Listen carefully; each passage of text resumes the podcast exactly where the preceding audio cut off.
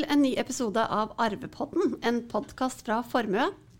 Jeg heter Ingunn Straer-Smith, og som vanlig sitter jeg her i studio med Alexander Heiberg. Godt å se deg her, Alexander. Hei, Gunn. Godt å være tilbake igjen. Du, Det har vært en stund siden sist. For alle Arvepodden-fans så har det vel vært eh, kanskje en litt for lang pause. Det syns vel vi også, egentlig. Ja, altfor lenge, men vi har jo hatt, eh, gjort mye. Vi har hatt en analog 17. mai på første gang for lenge. og det...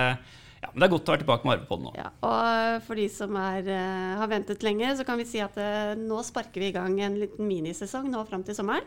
Så nå mm, Dere har mye å se frem til. I, vi, I dag skal vi snakke om noe som eh, vi har gledet oss veldig til å snakke om, Alexander. Særlig deg. Det var du som brakte dette temaet på banen. Skal, dere kommer snart til å skjønne hvorfor. For i dag skal vi snakke om slektsvåpen. Eh, og vi har en glede av å ha med oss Hans Cappelen, som i sin tid startet Norsk Heraldisk Forening. Velkommen til deg, Hans. Takk, men jeg gjorde det sammen med flere andre. Ja, ja det er gre- greit å presisere. Men du, før Hans eh, slipper til, eh, Alexander, forklar oss hvorfor vi diskuterer slektsvåpen her i dag. Noen vil kanskje si at det er et litt sånn smalt tema, men, men det er jo absolutt et tema som henger sammen med arv. Så, så at vi får lov å ta det opp, det er ganske åpenbart. Og at det er ikke tvil om at man blir litt sånn entusiastisk kanskje når det er noe som treffer en selv. Um, og uh, jeg ble litt entusiastisk på dette temaet når jeg oppdaget at vi hadde et slektsvåpen. Så er det kanskje egentlig ikke slektsvåpen i seg selv som er sånn kjempeinteressant, men, men det er den historien da som gjerne knytter seg til det. Mm, Fortell litt om uh, det slektsvåpenet ditt. Ja, i vår slekt, og nå, nå høres det ut som jeg er veldig bevandret i dette, men, men det er heldigvis en som har skrevet bok. eh, og hvis man slår opp der, så ser vi at i vår slekt så dukket dette slektsvåpenet opp faktisk første gang i 1623. I Sogn på Vestlandet, der slekta mi kommer fra. Og I første versjon så var det et dødninghode over to korslagte knokler, som det står. Ganske, ganske heftig greie. 100 år senere så har det blitt endret litt på. Eh, Da er det to felt, og i tillegg til knoklene så har det kommet inn en fugl med en gren i munnen og et timeglass. Det være sånn ganske sånn staselig våpen. Ja, jeg ser på det nå, det ser veldig staselig ut. Og det er jo blitt litt mer hyggelig etter at dere fikk inn den duen. Hvorfor kom den duen inn, egentlig? Ja, altså, Har du hørt dette sangen om Jostedalsrypa, Ingunn? Mm, eh, kanskje lang, lenge siden, men jeg har ikke det sånn friskt i vi, minnet vi pleier å bruke arvepodden på å høre deg i sånn barne- og ungdomsskolepensum. Men det handlet jo om, i hvert fall om den jenta da, som etter sagnet flyktet eh, eller bodde oppe i fjellene og overlevde svartedauden. Og da skal liksom slekten min, da, Heiberg-slekten, skal være etterkommer av henne. En av de såkalte rypeslektene. Så derfor så, så er jo en teori da at dette eh, våpenskjoldet med dette dødninghodet skal symbolisere liksom døden og svartedauden, men også denne rypa som, som Gjenoppstandelsen og overlevelsesinstinktet. Ja, men så bra. Så Men er et det jo- lite innslag her. Ja, Det er ikke en rype, det er en due. Der- nettopp. Ja, Og det kan jo kanskje Takk skal du ha, Hans, for det kan egentlig passe uh, med at det er jo noen teorier om at egentlig ikke dette her, her eh, har noe med Jostedalsrypa å gjøre. da ramlet den teorien sammen nå. Ja, ja, men den gjorde litt det. fordi at det er noen som mener at tvert imot så var det ganske vanlig å ha kombinasjonen av fugl og dødninghode på uh, våpen. Eh, skjoldet eh, den gangen eh, hvor dette kom. Så noen jeg har ikke sett noen andre enn Heiberg som har det. Ah, det var godt. Nå kjente jeg at det hjalp. fordi at Da kan jeg sette en strek over den teorien. Da holder vi oss til at dette har med, med Jostedalsrypa å gjøre, og uh, at det riktignok er litt uh, Omskrevet Uh, Fuglen har blitt Duen har blitt litt rype i historien. Det som er gøy, i hvert fall er at barna mine liker jo best denne siste. Fordi når de var litt mindre, så mente de hardnakket da at de kunne hevde at vår slekt var den eneste slekten som overlevde svartedauden. Prøver jeg å si at da blir det litt trøblete med alle de andre barna i klassen. At på en eller annen måte så må de ha overlevd, de òg. Men, men det sier i hvert fall at uh, våpenskjold kan være en god måte å fortelle historier på. ja, Det var veldig spennende å høre denne historien der. eh, Og jeg var veldig glad for at liksom Hans kunne hjelpe til å si at det var, eh, at det var liksom, Dette må jo ha hatt noe med Jostedalsduen å gjøre, da, riktignok. Ja, men apropos Hans, jeg tenkte vi bare vi trenger å introdusere deg litt grann nærmere. Som jeg sa, så var jo du mangeårig leder av Norsk Heraldisk Forening. Og jeg har også sett at du var forfatter av diverse bøker, bl.a. Norsk slektsvåpen, som ble utgitt i 1969. Du var medforfatter av Norsk kommunevåpen. Og du har skrevet en spesialfagsavhandling som heter 'Rettslig vern på offentlig våpenskjold'. I tillegg til en rekke artikler i norske og utenlandske fagtidsskrifter. Um, og du er faktisk den som har designet Advokatforeningens eh, ja, heter det våpenskjold, eller merke, da. Som, eh, så hvis det er noen advokater som eh, hører på, så er det Cappelen her som har designet det. Men du, jeg bare lurte på, Hans, hvordan oppsto denne veldig sterke interessen for våpenskjold? Jeg samlet på frimerker. Og så er det noen fantastisk fine franske frimerker med byvåpen på. Så jeg spurte mine foreldre hva er det Og de sa slå opp i leksikon på våpenskjold. Oh, ja. Og når jeg gjorde det, så var det henvisning videre til heraldikk. Oh, ja. Så du men hvordan liksom, Og da begynte du å studere dette nærmere og sjekke liksom hvilke familiegre, Ja. franske familiegrener som lå bak disse frimerkene? eller? Ja, eller det er kommunevåpen, det er ikke Å familievåpen. ja, det er kommunevåpen, ja. Mhm. Akkurat. Og så etter hvert så begynte du å studere mer familievåpen, da? Eller hvordan utviklet Ja, jeg dette? samlet på det. Og du samlet på det, ja. Skrev små kort hvert Historikk. som jeg kom over. Og så var det en eh, hvor jeg bodde på en hybel. Og han som eide leiligheten, fikk se det og sa det må du utgi som bok. Så sa jeg tusen takk, men da må jeg jobbe mye med det. Så jeg jobbet med det i to år for å få til den boka. Oi. For jeg måtte jo kontrollere alle opplysningene. Ja, ja. Det må jo ha vært ganske krevende.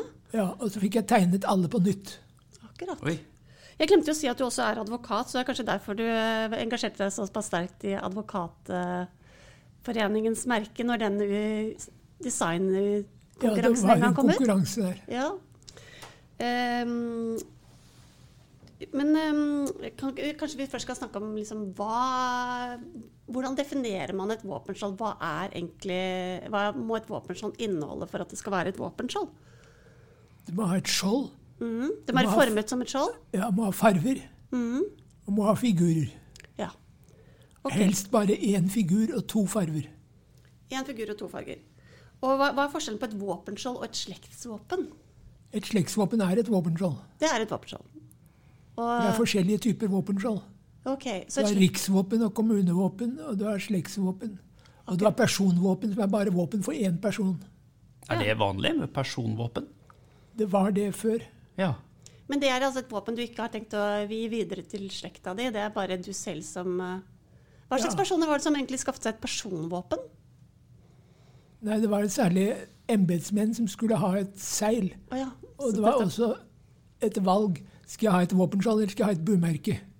Mm. Bønder brukte normalt bumerker. Noen brukte våpenskjold, de også. Men husk på at vi hadde disse medlemmene av domstolene. Lagrettemennene. Og de skulle alle sammen signere dommen, og skulle sette på sitt stempel. Og det heter seil. På samme måte er det på Grunnloven i 1814. Alle medlemmene av Eidsvollforsamlingen skrev under og satte sitt, signet sitt seil, stemplet til lakk, på Grunnloven. Og de, alle de seilene var, de, de var forskjellige, avhengig av hvilken slekt du kom fra. Eller Eller Ja. person. person. Ja. Ja, ikke sant? Så, så derfor så var det behov for et seil, øh, selvfølgelig blant øh, øh, prester og øh, Fogder, sånn som min, fogder, min ja. stamfar var fogd. Ikke sant? Tysk innvandrer som ble fogd i Norge. Men blant disse så kunne du vel også finne øh, ja, noen bønder? Ja, ja. Så vi har flere norske slektsvåpen som er fra slekter som stammer fra bønder. Men altså, hvor vanlig var det egentlig det å ha et nå, La oss bare snakke om våpen, eh, sånn slektsvåpen da, da videre. Hvor vanlig var det å ha et slektsvåpen i Norge? Hvor, eller hvor vanlig har dette vært? Nei, det har jo variert, selvfølgelig. Er det noen spesiell tidsepoke hvor dette var liksom mer utbredt enn uh, Jeg tror på 1700-tallet var det mer utbredt. Ja, hvorfor det egentlig? Nei, det var vel mange som da nedstammet fra embetsfolk og fra dommer og Ja, akkurat. og Var det liksom en uh, måte å vise seg frem på, eller liksom vise frem slekten sin? Eller hvorfor skaffet de seg våpenskjold? eh? Nå må du høre etter, Ingunn, for at vi var jo tilbake til dette seilet. Jeg tror at det, det ser jeg jo også når jeg graver i mine bøker. At uh, dette handler om, handlet jo om at man trengte dette for å liksom vise når man forseglet, eller man satt seil på dom, eller man satt, så måtte man ha da Ja, men hvis man, var, Våpenet sitt. hvis man var bønder eller andre Jo, folk men noen bønder kunne jo også ha roller i samfunnet hvor dette kunne Det være var jo aktuelt. meddommere. Nettopp. Oh, ja. Vi har jo denne lange tradisjonen med meddomsrett i Norge, vet du. Akkurat, ja. Så det var jo da nå, Beklager, det var litt tregt. Jeg måtte bare være litt streng med det her, Ja, fordi at det. Mm. må vi ta det basic her. Ja. Nei, men du har rett i at hvorfor var det noen som ville ha fle eh, flere i slekten som brukte våpenskjoldet? Jo, det er jo på samme måte som det er et bånd med slektsnavnet. Så kan det være et bånd mellom slektninger at de har samme våpenskjold som de bruker. Nettopp. Det var det jeg skulle fram til, Aleksander. Ok, da. Ok, men eh, Så det var mer typisk for byfolk å ha et våpenskjold. Det var kanskje litt mindre vanlig enn for bønder eller eh, Litt mindre vanlig for bønder. mm. Men du eh, Kan ikke du nevne noen slekter som har hatt et våpenskjold? Ja, Du kan jo nevne Tordenskjold. Ja. han eh, skulle bli belønnet av kongen for alle sine militære innsats, så fikk han jo adelskap og navnet Tordenskjold og et flott våpenskjold med en tordenkile. Mhm. En tordenkile er noe som ser ut som et lyn. Å ja. To lyn som er bundet sammen. Men er det, eh, er det noen andre slekter som vi på en måte kjenner til i dag? som Vi kunne liksom... Jeg vet du har tatt med deg en liten sånn minnepinne her. så det, Vi kan jo gå gjennom noen av de våpenskjoldene som du har eh, tatt med her. Da får vi hjelpe lytterne og får beskrive det godt, så vi forklarer hva, hva de ikke ser, men hva vi ser. Men vi kan altså snakke om noe som heter talende våpenskjold. Oi, hva er det for noe? F.eks. familien Anker som bruker et anker. Å ja, Ja, Det er talende våpenskjold. ok. Vi kan jo Eller, begynne. eller løvenskjold som bruker en løve. Ja, for dette her eh, for det, det har vi her. Løvenskjold, det er altså, og når det er viktig å si riktig, det er en blå bakgrunn på skjoldet, og så er det en sølv løve, er det så? Ja. At uh, i våpen, alle våpenskjold må ha enten gull eller sølv. Og sølv, når det ikke er laget i sølv, så lager vi det hvitt. Og gull, når det ikke er laget i gull, så lager vi det gult. Ja. Så på flagg så er det Så vil man jo se det norske løvet på kongeflagget på Slottet. Så er den jo litt gyllen, men mest gul. mm. Du- Men dette ligner jo litt på liksom eh, norske eh, Hva heter det? Eh, Ja, riksvåpenet. Riksvåpenet. Ja, en, Altså, løve, en løve er en veldig vanlig figur i masse våpenskjold. Ja. Der fortalte du en ting eh, rett før vi gikk på her i dag, at vi snakker jo om denne riksløven. eh, og, og i riksvåpenet vårt så, er så sier jo alle at det er en løve, men du sa at det er egentlig ikke en løve? Jo, som symbol er det løve, men som bilde så er det mer en stilisert gepard. Ja. Hvis du ser på bilder av riksvåpenet. Ja, det, det er veldig mange har sett den røde bakgrunnen med, med en, en En gul gul, løve som Ja. holder i, et, eh, i en øks. Ja, en stridsøks. Stridsøks. Ikke en vedøks. Nei, nei Ok, men, eh, men dette våpenet, er det her også en geopard, eller er dette en løve? Nei, det er mer en løve. Ja, ok. Men det du ser, det er en blanding, for du ser halen. Han er litt tynn. Ja. og det, det var, sa du at det skyldtes rett og slett at man visste ikke helt på den tiden hvordan en ordentlig løve så ut? Var det det? Rundt omkring hos disse fyrstene i, og kongene i Sør-Europa så hadde de geparder som de brukte til jakt. Mm. Men ikke løver, Mm. for de levde jo i Afrika og Asia. Du, her har vi en annen som også bruker løver. og dette er, eh, For å beskrive dette, da, så er det to løver som ser ut som de holder Ja, det kaller vi for skjoldholdere. skjold... Ja, de er skjoldholdere av et mer sånn forgylt uh, skjold med noe, en krone på toppen. Er Ja. dette løvenskjold, Det eller? er Wedel Det er Wedel Jarlsberg, ja. Og eh, han har hentet litt, også litt inspirasjon fra det kongelige våpenskjoldet, vil jeg si. Riksvåpenet, mener jeg. Eller er det Ja, tilfeldig? og du ser at i våpenskjoldet er det også noen flagg. Mm. Fordi den første Wedel Jarlsberg som kom til Danmark-Norge, var jo en tysk kriger som kongen fikk til å komme for å kjempe for Danmark-Norge. Kongen hadde jo mange som han betalte for å komme i kongens tjeneste. Mhm, så han, eh, Han og, ble belønnet med tittel og våpenskjold. ok, og da fikk han kanskje lov til å bruke disse løvene og dette, Ja. denne kronen litt, fordi Ja. han mm, Det er kanskje ikke hvem Den som helst som kronen har kaller vi en grevekrone. Akkurat. Akkurat. Du sier det er ikke en kongekrone. Å nei, ja, det var ikke så lett å se. kongekronen, har bøyler på toppen. Ja, riktig. ja. Ok, ja, men flott var det i hvert fall. Og så har vi et annet her. Eh, og Det er viktig at du beskriver det. Nå skal jeg beskrive det. Det er et skjold, og det er rødt. Og så er det et eh, en hvit pil og en hvit eh, sverd som krysser hverandre. Ja, Hvem er det sitt? det er Vergeland. Det er Vergeland, ja. De ja. laget et symbol for å verge landet med et sverd og med en pil. Mm. Så opprinnelig så var det over et landskap.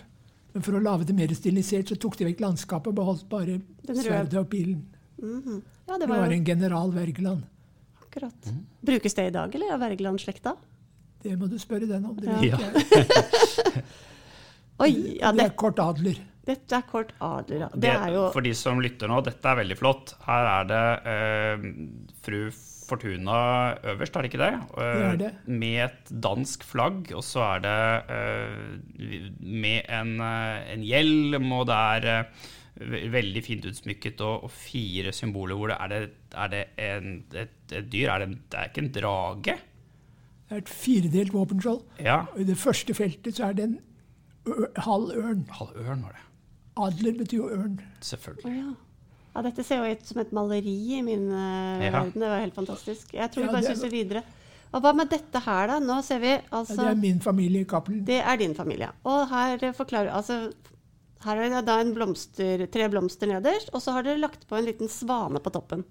Ja, eller det er en symbolet pelikan. Det er pelikan, ja. ja. Og det var en gammel myte som står i gamle bøker om at pelikanen, når den ikke hadde mat til barna, så hakket den seg til blods og matet barna med blod, sånn at den kunne dø, men barna overleve. Oi. Så det er også da regnet som et Jesus-symbol. Og som et offersymbol som viser at jeg er villig til å gjøre hva som helst. Jeg er villig til å ofre mitt liv. Men uh, når jeg ser på disse våpnene, altså er det noen spesielle regler som gjelder for å Hvis jeg skulle skaffet meg et våpenskjold i dag, da, hvis, hvordan, eh, hvordan skulle liksom jeg gått fram for å forme et sånt våpenskjold? når man ser på, Det er jo veldig mye ymse her. Ja, jeg ville spørre meg selv er det noe jeg har lyst til å symbolisere. Har jeg lyst til å symbolisere noen som snakker? Har jeg lyst til å symbolisere noen som tegner? Har jeg lyst til å symbolisere en religion? Har jeg lyst til å symbolisere noe politisk? Har jeg lyst til å symbolisere noe geografisk? Skal jeg ha noe som er navnet mitt? F.eks. anker med anker. Ja, det er jo veldig selvforklarende. Men eh, er det sånn at hvis jeg skulle Er det noen steder man kan oppsøke noe veiledning eller noe register man må gå for å sjekke at man ikke skaffer seg et våpenskjold som kanskje andre allerede har? Ja, du kan jo sjekke med en norsk heraldisk forening. Ja, OK. Så der, eh, der kan man få hjelp til å forme, ut, forme et våpenskjold hvis man syns ja. Ja. akkurat. Um, men du um, eh, På hvilke gjenstander er det man finner våpenskjold i dag, vil du si? Liksom, altså, Særlig er det på gamle sånne stempler som heter signet, hvor du lager seil. ja. Det er spesielt der du finner det. Og hva bruker man de til? Til å stemple ting, eller? Ja, eller til å sette hvis du skal ha lakkseil på et dokument. Ja, ikke sant? Da er vi tilbake til det lakseilingen. Dette jeg tror, jeg tror du skal google lakkseil etterpå. Ja, Så Ja, altså, jeg, ja, ja, jeg skjønner hva du mener. Ja, Det er sånn uh... jeg tror Første gang det finnes dette i slekten min, det sto på et sølvkrus, tror jeg. Det tror jeg liksom er det første man har klart å finne. Ja, vi har flere gamle, bevart flere gamle sølvkrus fra Norge fra 1600-1700-årene, hvor det var våpenskjold, ofte til ektepar. Ja. Så ble det ble som en slags bryllupsgave, da, eller? Eller var det noe man bare to, skaffet seg liksom underveis? Begge deler. Ja. Men um, Og noen har det på porselen. Mhm. Du ja. kan se oppe på Buksa gård. Oh, ja. Så kan du se Vedel Jarlsberg og Anker sammen på våpenskjold på porselen. Akkurat. Akkurat. Mm. Ja, det kunne vært noe, Aleksander. Du, det kjenner jeg at det begynner å komme en idé sigende på her. Men du, hvis jeg eh, skulle sjekket hvis jeg, om jeg hadde et våpenskjold i min familie, da, hvordan eh, jeg, jeg aner jo ikke, jeg har jo ikke vært så flink som Aleksander til å gå tilbake i bøkene og funnet ut uh, hva som ligger der. Er det noen, hvis noen er nysgjerrig nå, finnes det et våpenskjold der ute som jeg kunne gjenskapt og kanskje laget med et servisa eller et eller annet? Hvordan, eh, hvordan finner man ut av det? Ja, først vil jeg jo sjekke med de bøkene vi har om det. Min bok. Ja, din bok, ja. Og så er det en bok om seilene i Riksarkivet. Og i din bok der har du altså kartlagt nesten alle våpenskjold som finnes i Norge? Nei, Nei. bare rundt en 300. Ja, men, ja, det er mange nok. ja, akkurat. Så det mm, Først kan du sjekke der, og hvis man ikke finner noe der, og da kan man gå til hva du sa nå, Riksarkivet? Ja, En bok som heter 'Heraldisk nøkkel'. Akkurat. Og, da, og hvis man ikke finner noe der, da kan man egentlig gå ut fra at man kanskje ikke hadde noe våpenskjold, da. Vi har flere andre bøker også. Ok, Så det er mange kilder. Det er mange kilder. Ja. Men så kan det jo være at du finner Ingunn også uh, litt sånn som eh, de aller eldste i min slekt, da, som fant bare dette dødninghodet, sa de nei, det kanskje blir litt mye død og fordervelse. Så skjønner jeg hans at det er mulig, så lenge man holder seg innenfor reglene, å endre litt. Og det er kanskje ikke helt uvanlig at, at man har endret på, på våpen gjennom tidene òg. Ja, på to måter. Det ene er at man bytter ut noen figurer og farver. Det andre er simpelthen at man veksler stilart. Noen har i rokokko, noen i barokk og noen i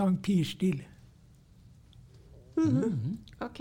Og I min bok så tok vi en nokså moderne stil, Ja, for det, det ser jeg jo litt med de her også. De, ja, som ligner mer på dagens kommunevåpen. Akkurat. For det her ligner, ditt våpen sånn jeg ser det nå, ligner litt på et kommunevåpen, egentlig. Kan, er det lov å si det? Ja, Ved at det er like strengt stilisert. Veldig, eh, Men dessverre, der, det tok slutt. Hva tok slutt? Vi hadde regelen om at ingen kommunevåpen kunne bruke uten at det var godkjent av Riksarkivet ja. Og departementet. Og Den regelen tok til slutt. Riksarkivet og departementet ville ikke drive mer med, med kommunevåpen.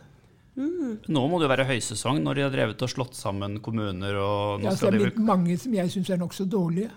ja de, de, er, de er Noen, noen gode og noen dårlige. Er det noen som har kontaktet Har du vært liksom involvert i noen, av- noen av de prosessene der? Ja, Ja. Men jeg fikk ikke noe særlig gjennomslag. Nei. Ehm, men du, ehm, altså hvis man da hadde Hvordan har disse våpnene gått i arv i slekten? Er det hvem som helst, Kan jeg liksom hvem som helst bare ta et våpen som vårt skjold? Sånn som Alexander, da, som fant plutselig et våpenskjold fra 1621. Eh, kan han bare begynne å bruke det helt, uten, helt fritt, eller er noen, burde han liksom konferert med noen andre i slekta om det er greit? Jeg ville nok konferert med litt i slekta. Vi har noen tilfeller hvor noen har ønsket å bruke et slektsvåpen som varemerke. Men da blir det jo bare merke for akkurat den varen. Så da har andre i slekten sagt 'vær så snill, ikke gjør det'. Mm. så har de latt være å gjøre det. Ikke sant? Hvor man kobler det ikke bare til slekten, men kobler det til en, en mer sånn kommersiell virksomhet. Da, Ja, da blir En bestemt vare eller tjeneste. Mm.